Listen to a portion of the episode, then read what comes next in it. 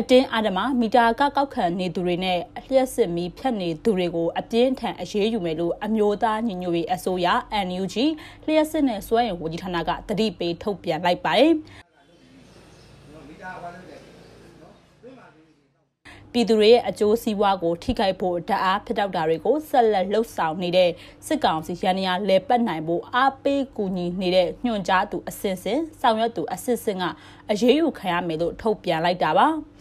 COVID-19 ကပ်ဘေးနဲ့အကြမ်းဖက်စစ်ကောင်စီရဲ့ဖိနှိပ်ညှဉ်းပန်းမှုတွေကြောင့်ပြည်သူတွေကကိုယ်စိတ်ဆင်းရဲပင်ပန်းနေတဲ့အပြင်စီးပွားရေးလုပ်ငန်းတွေကလည်းကောင်းမွန်စွာလည်ပတ်နိုင်တာမရှိတဲ့အတွက်စားဝတ်နေရေးအခက်အခဲကြုံတွေ့နေရတဲ့ပြည်သူတွေရဲ့ဝင်ထုတ်ဝင်ပိုးလျော့စေဖို့စစ်ကောင်စီစီကိုလျှက်စစ်ဓာတ်အားကရန်ပုံငွေတွေမရောက်စေဖို့အိမ်သုံးလျှက်စစ်ဓာတ်အားကတွေကို NUG အစိုးရကကင်းလွတ်ခွင့်ပြုထားတာပါငါတို့အခုအထမ်းကလုပ်ပြီးနော်မီတာဟောလုပ်တယ်နော်တွင်းမှာ ပြည်သူတွေဘက်ကလည်းမီတာကမပေးဆောင်တာစီဒီအန်လှုပ်ရှားမှုမှာတက်ညီလက်ညီဆောင်ရွက်နေရကိုတွေ့ရပြီးဆက်ပြီးတော့ပူပေါင်းပါဝင်ပေးကြမယ်လို့ယုံကြည်ရလို့လည်းထုတ်ပြန်ချက်ထဲမှာဖော်ပြထားပါတယ်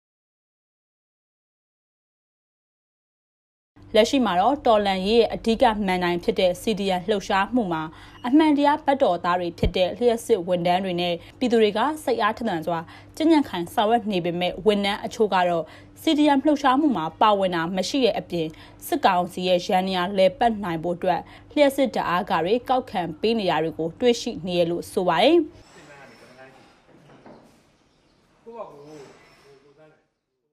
တတိပေးနေတဲ့ဂျာကအတေးအဓမ္မတအားကကောက်ခံတာပြည်သူတွေရဲ့အကျိုးစီးပွားကိုထိခိုက်ဖို့အတွက်တအားဖြစ်တော့တာတွေကိုဆက်ပြီးဆောင်ရွက်နေမယ်ဆိုရင်တော့ညွှန်ကြားသူအစင်စင်ဆောင်ရွက်သူအစစ်စင်ကိုနိုင်ငံဝန်ထမ်းဥပဒေအရရာဇသကြီးပုံမှတစ်နှစ်နှစ်မြေဆောင်တစ်နှစ်လေးပါအရာနိုင်ငံတော်ရဲ့ကျေးဇူးသစ္စာဖောက်ဖျက်ပုံကံမှုအဖြစ်အရေးယူခံရမယ်လို့တတိပေးလိုက်တာဖြစ်ပါတယ်။အခုကဌာနကလုပ်ပြီးနော်မီတာဟောလို့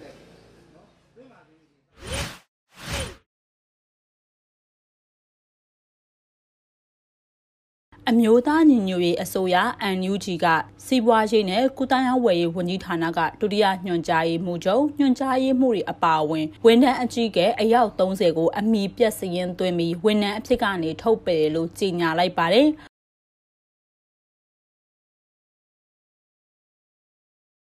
ထုတ်ပြန်ချက်ကိုတော့စီးပွားရေးနဲ့ကုတယံဝယ်ဝန်ကြီးဌာနပြည်အောင်စုဝန်ကြီးဒေါ်ခင်မမမျိုးကလက်မှတ်ရေးထိုးထုတ်ပြန်လိုက်တာဖြစ်ပြီး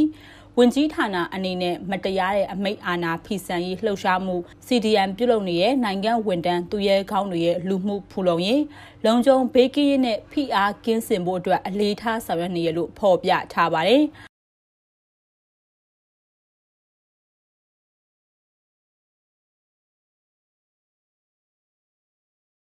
ဒါကြောင့်တရားမဝင်အာဏာသိမ်းစစ်ကောင်စီလက်အောက်မှာဆက်လက်တာဝန်ထမ်းဆောင်နေပြီး CDM ဝန်ထမ်းတွေကိုဖိအားပေးတာချင်းချောက်တာယာရုကနေထုတ်ပယ်တာဝန်ထမ်းအဖြစ်ကနေထုတ်ပယ်တာတရားစွဲဆိုတာတွေနဲ့အမျိုးမျိုးသောဖိနှိပ်မှုတွေကိုကျူးလွန်နေတဲ့ဖော်ပြပါဝန်ထမ်းတွေကိုအမိပြတ်စရင်တွန်းလိုက်ပြီးဝန်ထမ်းအဖြစ်ကနေထုတ်ပယ်လို့ကြေညာထားတာပါ ဒီဝန်ထမ်းတွေထဲမှာတော့မြန်မာကုံသွဲမှုမြင့်တင်ရေးအဖွဲ့နဲ့မိုဘိုင်းခွင့်ဦးစီးဌာနတွေကဒုတိယညွှန်ကြားရေးမှူးချုပ်တွေကုံသွဲရေးဦးစီးဌာနနဲ့စားသုံးသူရေးရာဦးစီးဌာနတွေကညွှန်ကြားရေးမှူးတွေနဲ့ဒုတိယညွှန်ကြားရေးမှူးအယောက်30ပါဝင်နေရလဲဖြစ်ပါတယ်။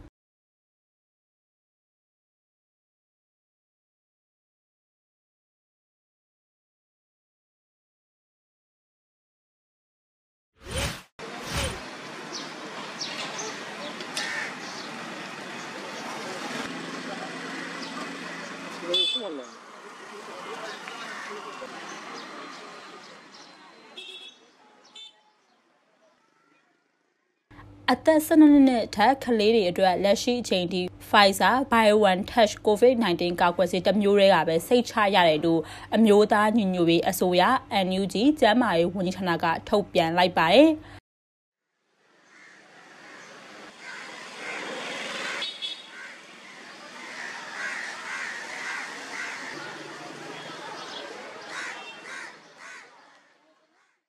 ထုတ်ပြန်ချက်ထဲမှာတော့ကမ္ဘာ့ကျန်းမာရေးအဖွဲ့အသိမှတ်ပြုအရေးပေါ်အခြေအနေတွေမှာအသုံးပြုခွင့်ရရှိထားတဲ့ COVID-19 ကာကွယ်ဆေးတွေဖြစ်တဲ့ AstraZeneca, Covishield,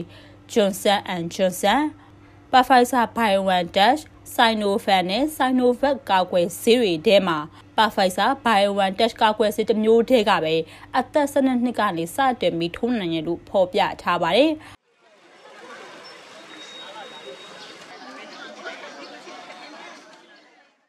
အာနာသိအကြံဖက်စစ်ကောင်စီကတော့ပြီးခဲ့တဲ့အောက်တိုဘာလ12ရက်ကစတင်ပြီးအသက်12နှစ်ကနေ18နှစ်ကြာအခြေခံပညာကျောင်းသားကျောင်းသူတွေကိုတရုတ်နိုင်ငံထုတ်တဲ့ Sinovac COVID-19 ကာကွယ်ဆေးတွေထိုးနှံပေးနေရဖြစ်ပါတယ်။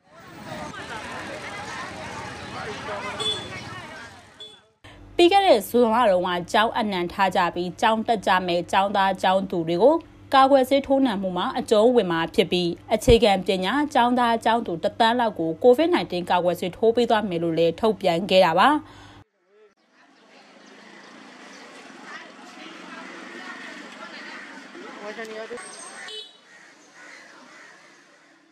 အမျိုးသားညီညွတ်ရေးအစိုးရကတော့ COVID-19 ကရောဂါကူးစက်ဖြစ်ပွားမှုတွေလျှော့ချပြီးနိုင်ငံအသီးသီးရဲ့စီးပွားရေးလူမှုရေးပညာရေးတွေကိုအမြန်ဆုံးနလန်ထူဆောင်ရွက်နိုင်ဖို့အတွက် ကာကွယ်ဆေးတွေလျင်မြတ်စွာတိုးချဲ့ထိုးနှံနိုင်ဖို့အတွက်နိုင်ငံတိုင်းကစ조사နေကြပြီးဒီယောဂကူးစက်မဲ့အန်ရီကလူသားတဦးတယောက်ချင်းစီကအပြည့်အဝကာကွယ်နိုင်တာမရှိရင်ဘသူမှအန်ရီကင်းမှာမဟုတ်ဘူးလို့လည်းထုတ်ပြန်လိုက်တာဖြစ်ပါတယ်။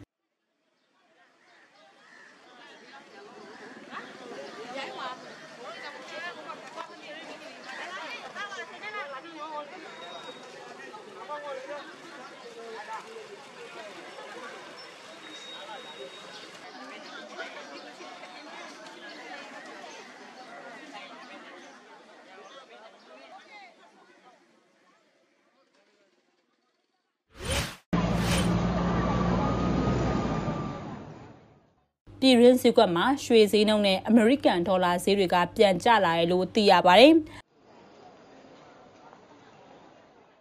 အော်တိုဘာလ25ရက်နေ့ကရန်ကုန်တိုင်းဒေသကြီးရွှေလုပ်ငန်းရှင်များအသင်းရဲ့မွန်လွယ်ပိုင်းစီနှုန်းအရတော့ရွှေတစ်ကြက်သားကကျပ်18သိန်းအတိရှိနေရပါ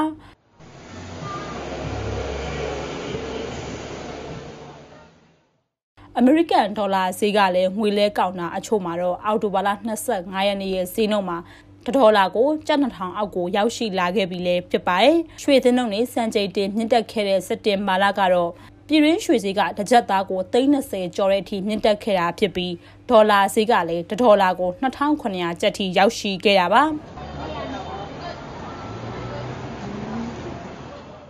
အော်တိုဘာလ25ရက်နေ့မှာတော့ကဘာရွှေဈေးကတအောင်စကို1990ခွန်ဝန်းကျင်ရှိပြီး ပြည်ရင်းရွှေသင်းနှုန်းကလည်း16ပဲရည်ဈေးနှုန်းက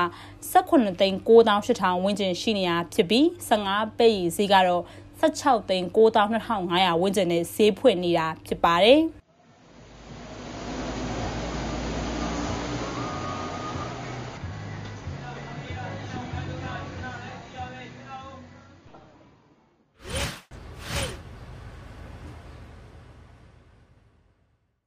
မန္တလေးကုန်စည်တိုင်းဈေးကွက်အတွင်းမှာစမုံနှမ်းနှက်တွေကအော်တိုဘာလဇန်ကနေစပြီးဈေးတက်လာခဲ့တာဖြစ်ပြီးသုံးတင်းဝင်တအိတ်ကကျပ်9000ခန့်ထိဈေးမြင့်တက်နေတာဖြစ်ပြီးကြံနဲ့မြေဘဲဆန်နဲ့ပဲတီစိမ့်တွေကလည်းအယောင်းဝယ်ကောင်းနေလို့သိရပါတယ်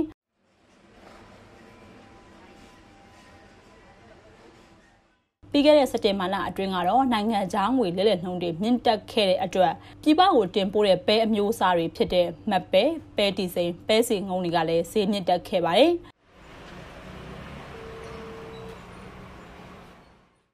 စက်တင်ဘာလအကုန်ပိုင်းကမတ်ပဲ3တင်းဝင်တအိတ်ကဆိုရင်ကျပ်2သိန်းပဲစင်းငုံ3တင်းဝင်တအိတ်ကတော့ကျပ်3သိန်းခွဲ